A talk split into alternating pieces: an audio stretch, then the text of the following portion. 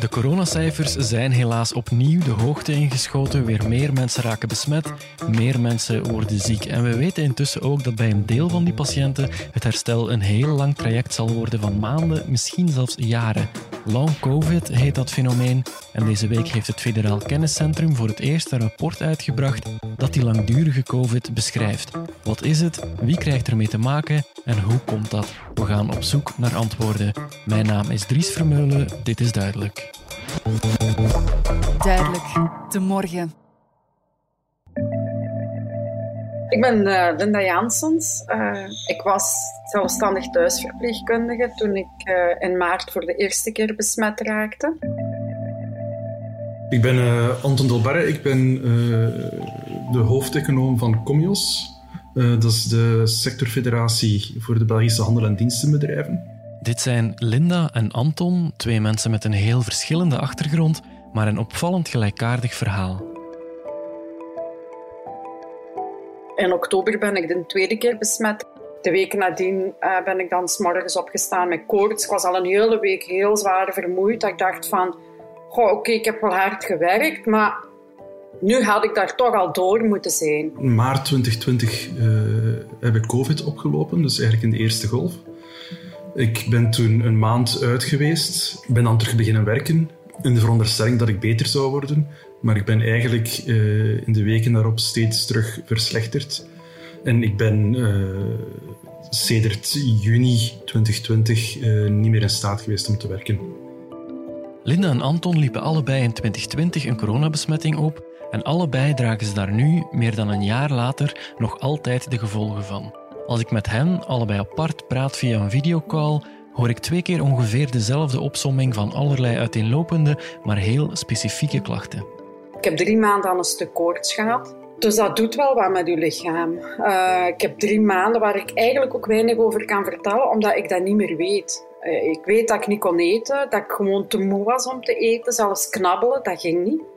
Er waren ook heel wat neurologische symptomen. Dus ik had uh, heel zware tics, ook cognitieve problemen, uh, stemproblemen. Bijvoorbeeld, ik had vroeger een heel dragende stem. nu is dat niet meer het geval de eerste maanden ging dat echt helemaal rond in mijn lichaam. Dan was het een paar weken dat ik het op mijn adem had. Een paar weken dat mijn hart op hol sloeg. Dan een paar weken dat ik heel veel hoofdpijn had. Eh, dat ik gewoon mijn ogen niet kon openhouden. Mijn benen, die veel meer pijn deden. Mijn rug, uh, steken in mijn buik. Dan begonnen die zenuwtrekkingen. Ik ben ook door mijn vrouw enkele keer naar spoed gebracht, omdat ik uh, non-responsief was geworden. Ik kon me niet meer goed uitdrukken. Mijn geheugen was zo slecht dat ik echt niet meer wist wat ik de dag ervoor had gedaan. Ik hoor dan wel vertellen. En dan denk ik, amai, ja, dat is, toch, dat is toch wel heel erg geweest. Maar ik zelf weet het eigenlijk niet, niet zo niet meer.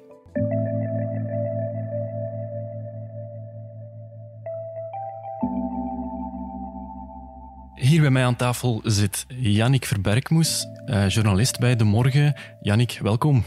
Dank u wel, Dries. Jij hebt uh, in onze krant al een paar keer geschreven over long covid. Die twee getuigenissen die we nu net hebben gehoord, zijn die herkenbaar? Is dat, is dat ongeveer wat de meeste patiënten vertellen? Ja, dat is wat heel veel mensen dus uh, vertellen. Uh, ze klagen bijvoorbeeld over vermoeidheid, concentratieproblemen, gewoon zaken die echt heel lang aanslepen. Veel mensen klagen ook over geur- en smaakverlies, waar ze heel lang mee zitten. Mm -hmm. En dat lijkt misschien heel banaal, maar um, dat kan ook heel ernstige gevolgen hebben, want het komt er ook op neer dat mensen, dus als ze geen smaak meer hebben van hun eten, hun eten ook niet meer binnenkrijgen. Ik ken één vrouw die bijvoorbeeld maanden heeft moeten overleven, zo is het echt, op um, sandwichen met boter en zebracakes omdat ze dus niks anders binnenkreeg en die dus als gevolg daarvan ook echt enorm vermagerd is. Um, dus ja, je moet je voorstellen dat je dan zo'n een, een, een, slepende ziekte hebt eigenlijk, want dat is het ook. En dan kan, kan je dus geen kracht halen uit, uit je voeding, wat heel erg is eigenlijk. Die long covid, dat is een fenomeen waarover ik het voorbije jaar een aantal keer wel iets heb gehoord of gelezen. Vaak lijkt het een beetje vaag. Het zijn heel veel klachten door elkaar en iedereen heeft een beetje een andere ervaring of een andere tijdsduur ook, waarin de klachten zich voordoen. Maar nu deze week is er dat rapport van het Federaal Kenniscentrum. Wat staat daarin? Ja, dus ze hebben eigenlijk een, ehm, eh, samengebracht wat we nu eigenlijk, wat we weten van het weinige dat we weten over COVID, wat we daar nu eigenlijk over kunnen zeggen. Dus een van de belangrijkste uh, bevindingen is bijvoorbeeld heel algemeen uh, dat 1 op 7 uh, patiënten die een coronabesmetting hebben doorgemaakt, zes maanden later nog altijd klachten heeft, nog altijd symptomen heeft. Um, die klachten zouden met de tijd wel een beetje afnemen, maar um, ja, ze blijven dus bij veel mensen wel degelijk voortduren. En een andere bevinding is dus dat ja, wat er zo interessant is of zo verbijsterend aan long COVID is dat het geen dat het niet uitmaakt of je nu in het ziekenhuis bent beland of niet. Veel mensen die zelfs een milde infectie hebben gekregen, kampen maanden later nog altijd met um, heel zware klachten, dus zoals die vermoeidheid, zoals die uh, concentratieproblemen of zoals hersenmist, waardoor ze dus eigenlijk heel simpele, ja, dagdagelijkse taken, um, zoals nog maar zich wassen of zich aankleden of, of schoonmaken, poetsen, dat ze daar echt enorm veel moeite mee hebben. Dan eigenlijk echt elke simpele inspanning die van hen gevraagd wordt, dus gewoon om bijvoorbeeld nog maar het eten klaar te maken. Dat het een beetje voelt als een, uh, een, een, bergbeklimming voor gezonde mensen of zoals een marathon lopen of zo. Mm -hmm. uh, dus die zijn ja, van, van de, de simpelste kleine dingen, um, nog maar op, op, op consultatie gaan bij een dokter of een, een, een sessie doen bij een kinesist, dat kan betekenen dat ze soms al een paar dagen oud zijn en echt moeten, moeten bekomen van, van de inspanning. Is het eigenlijk een uniek fenomeen bij dit coronavirus dat klachten zo lang blijven aanslepen? We hebben bij andere zeer gevaarlijke virussen, zoals SARS en MERS, gezien dat daar ook dus het geval is dat sommige patiënten um, jaren later nog altijd met klachten blijven kampen. Om even een voorbeeld te geven, ook bij de SARS-epidemie was dat zo. Um, er zijn studies geweest waaruit bleek dat uh, na vier jaar 40% van de besmette mensen um, nog altijd klachten had. Uh, een andere studie toonde aan dat uh, na twee jaar 30% van het besmette zorgpersoneel in China ook nog altijd niet aan het werk kon. Dus um, nee, dat mensen met klachten blijven zitten um, lijkt niet alleen zo voor corona te zijn. Zelfs na de Spaanse griep in 1918, denk ik, waren er mensen die aanhoudende klachten hadden. Ook mensen met uh, neurologische uh, psychiatrische klachten. Um, dus dat is niet enkel zo voor corona. Alleen ja, wat we nu wel zien bij, bij die long-covid-patiënten, is dat het wel heel lang duurt en dat het dus uh, een heel grote impact heeft op, op heel het lichaam. Dat is toch wel uh, speciaal, denk ik. Mm -hmm.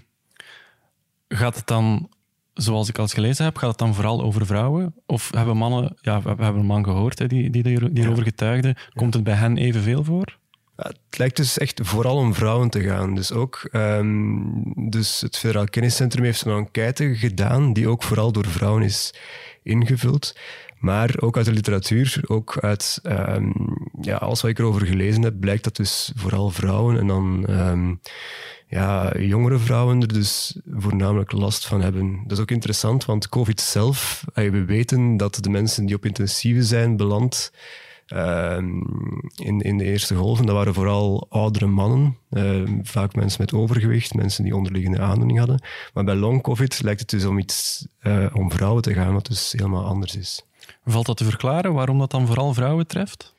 Um, een van de mogelijke verklaringen voor long covid is dat um, dat het eigenlijk voortkomt uit dus nadat mensen een infectie meemaken, dan zouden er nog virusdeeltjes in hun lichaam aanwezig blijven. Mm -hmm. En een verklaring waarom dat die klachten, zoals uh, bepaalde neurologische klachten, zo lang aanslepen, is omdat eigenlijk het immuunsysteem een soort van achtergoede gevecht blijft voeren tegen virusdeeltjes die zijn achtergebleven in het lichaam. Mm -hmm. Dus Um, ja, het, het, immuunsysteem trekt daar tegen ten aanval, maar uh, valt op die manier ook het eigen lichaam aan. En blijkbaar heb ik eens gehoord, zouden vrouwen een iets actiever immuunsysteem hebben. Mm -hmm. Maar dat is dus allemaal, ik zeg dat met heel veel voorzichtigheid, want we weten het eigenlijk niet. Mm -hmm.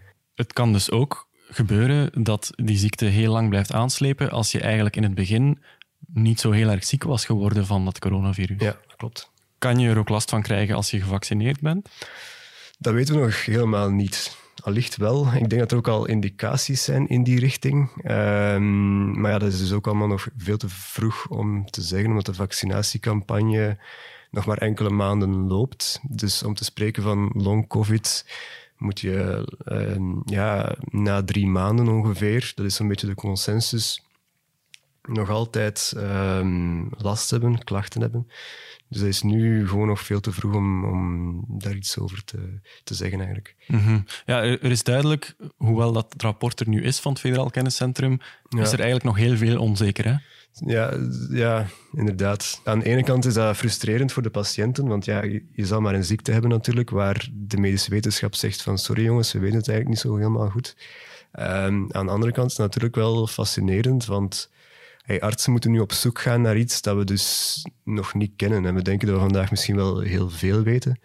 Maar over zo'n dingen weten we dus nog heel weinig. En ik heb een interview gedaan met Maxime Taquet, een um, Belgische psychiater aan Oxford. Hij heeft bijvoorbeeld één patiënt gehad die een psychose kreeg na uh, een coronabesmetting. En dan ja, probeert hij nu ook dat aspect na te gaan. Dus of, of, of uh, een coronabesmetting ook op een of andere manier een impact kan hebben op de mentale gezondheid. Dat zijn ook allemaal dingen waar we heel weinig over weten. En bij alles wat hij tegen mij zei, zei hij van, ja, maar het is nog niet helemaal bewezen of we weten het nog eigenlijk niet, maar we denken dat het misschien, dat er deze of, of, of die verklaring voor kan zijn. Maar ja, dat is zo'n beetje bij alles wat artsen zeggen hierover. Um, dus er zijn indicaties, er zijn aanwijzingen, maar eigenlijk weten we het nog niet helemaal. Mm Ja, dat is ook wat uh, onze twee getuigen van daarnet vertelden, dat door eigenlijk het gebrek aan kennis erover op dit moment, zij vaak stoten op onbegrip en ook vaak op mensen die hen gewoon niet geloven. Er zijn uh, heel veel zorgverstrekkers, en dat is begrijpelijk, want ze hebben het enorm druk gehad gedurende de hele coronacrisis, die er nog steeds van overtuigd zijn dat uh, COVID zich alleen kan manifesteren als een longziekte die maximaal vier weken duurt. Ja, de klachten die u hebt, mevrouw, dat komt niet door COVID. Jij moet elke dag een uur gaan wandelen en dan gaat dat wel beter. Ik kan nog geen kilometer wandelen. En dan denk ik, wat advies is dat nu? Wat, wat ben ik daar nu mee? Ik heb het voordeel dat mijn huisarts mij heel goed kent. Uh, en weet dat ik iemand ben die normaal gezien, als het ook maar enigszins mogelijk is, liefst werkt. Als ik uh, aan de noodrem trok en duidelijk maakte van het gaat echt niet, wist mijn huisarts wel van oei, hier moet echt wel iets fout zijn. Dus dat was een geluk bij een ongeluk. Zeker als we horen, er zijn heel veel patiënten die niet geloofd worden door de omgeving.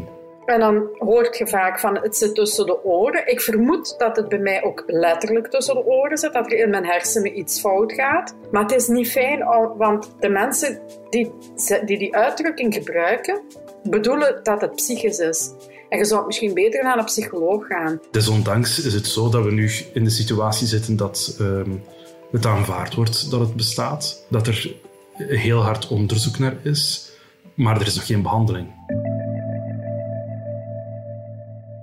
Ja, Jannik, uh, er is in onze krant op dit moment ook een opiniestuk van een arts die zegt ik weet niet zeker of die, die term long covid of we dat wel moeten gebruiken, want het gaat hier over veel verschillende klachten die misschien ook heel verschillende oorzaken kunnen hebben.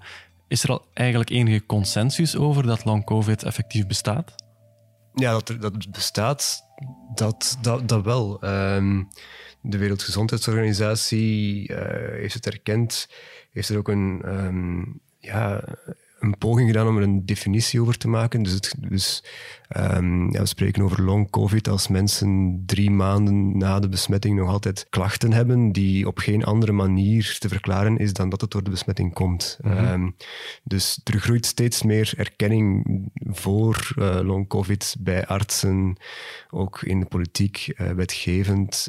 Um, ja, iedereen ziet nu wel degelijk dat dat fenomeen er is.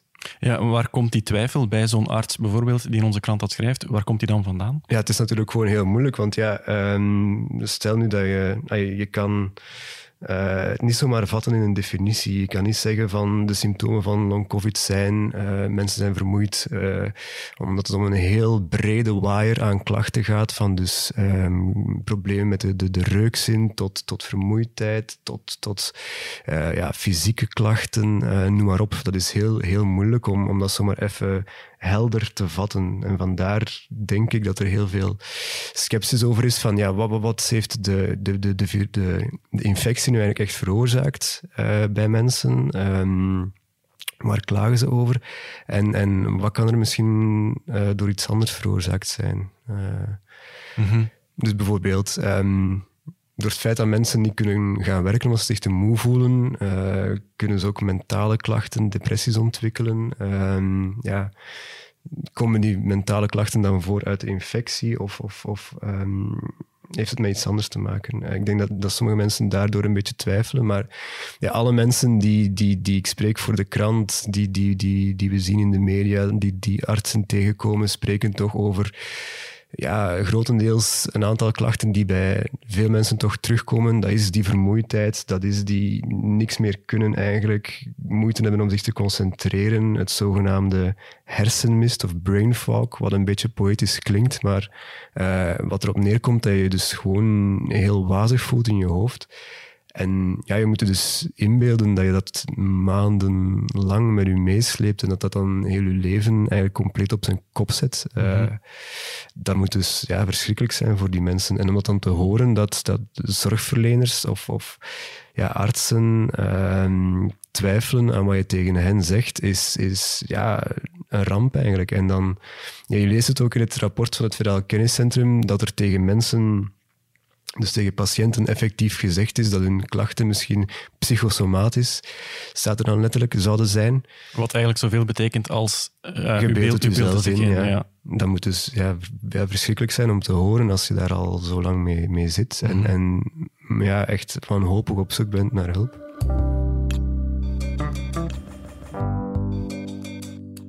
Ik kan mij ook inbeelden, als, als de klachten zo uiteenlopend zijn en er ook zo weinig is geweten over de oorzaak, dat er ook nog geen enkel zicht is op een behandeling. Nee, klopt. Dat is dus ook wat het Federaal Kenniscentrum aanbeveelt, is om multidisciplinaire teams op te richten in ziekenhuizen waar dus psychologen, kinesisten, specialisten samenzitten om patiënten te behandelen. Dat is heel belangrijk. Waarom? Dus mensen eh, die met long-covid uh, zitten, die um, ja, proberen eens bij een longarts om te vragen van, kan je eens naar mijn longen kijken? Die gaan naar een kinesist om te zeggen van, ja, ik kan mij met moeite nog bewegen, heb je geen oefeningen? En dan gaan ze naar een psycholoog om te zeggen van, ja, ik voel me, ik voel me heel slecht, kan je mij niet helpen met, met, met mijn psychologische klachten? Dus die mensen gaan eigenlijk van, van, van deur tot deur en elk van die um, specialisten, elk van die experts hebben, zitten natuurlijk op hun eigen eiland en hebben hun eigen vakgebied. Mm -hmm. Maar ja, uiteindelijk is long COVID iets wat dat heel het, het, het lichaam um, eigenlijk aantast of, of lam legt. Dus dan hebben die mensen ook echt nood aan een geïntegreerde aanpak vanuit de zorg om hen te kunnen behandelen. En, en dat ontbreekt momenteel nog. Daar moeten we dus meer op inzetten. Maar ja, um, omdat we dus niet weten wat, wat die, die ziekte of wat die aandoening eigenlijk veroorzaakt, kunnen we niet zomaar even een behandeling uh, of een medicamentje voorschrijven om hen te helpen natuurlijk. Mm uh, dat is er uh, voorlopig nog niet.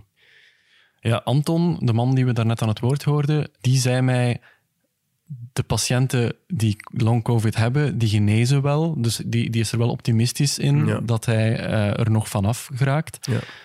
ja, bestaat er ook een risico dat sommige van die patiënten bijvoorbeeld in een jarenlang traject in een pijnkliniek terechtkomen omdat, omdat hun klachten maar blijven aanslepen?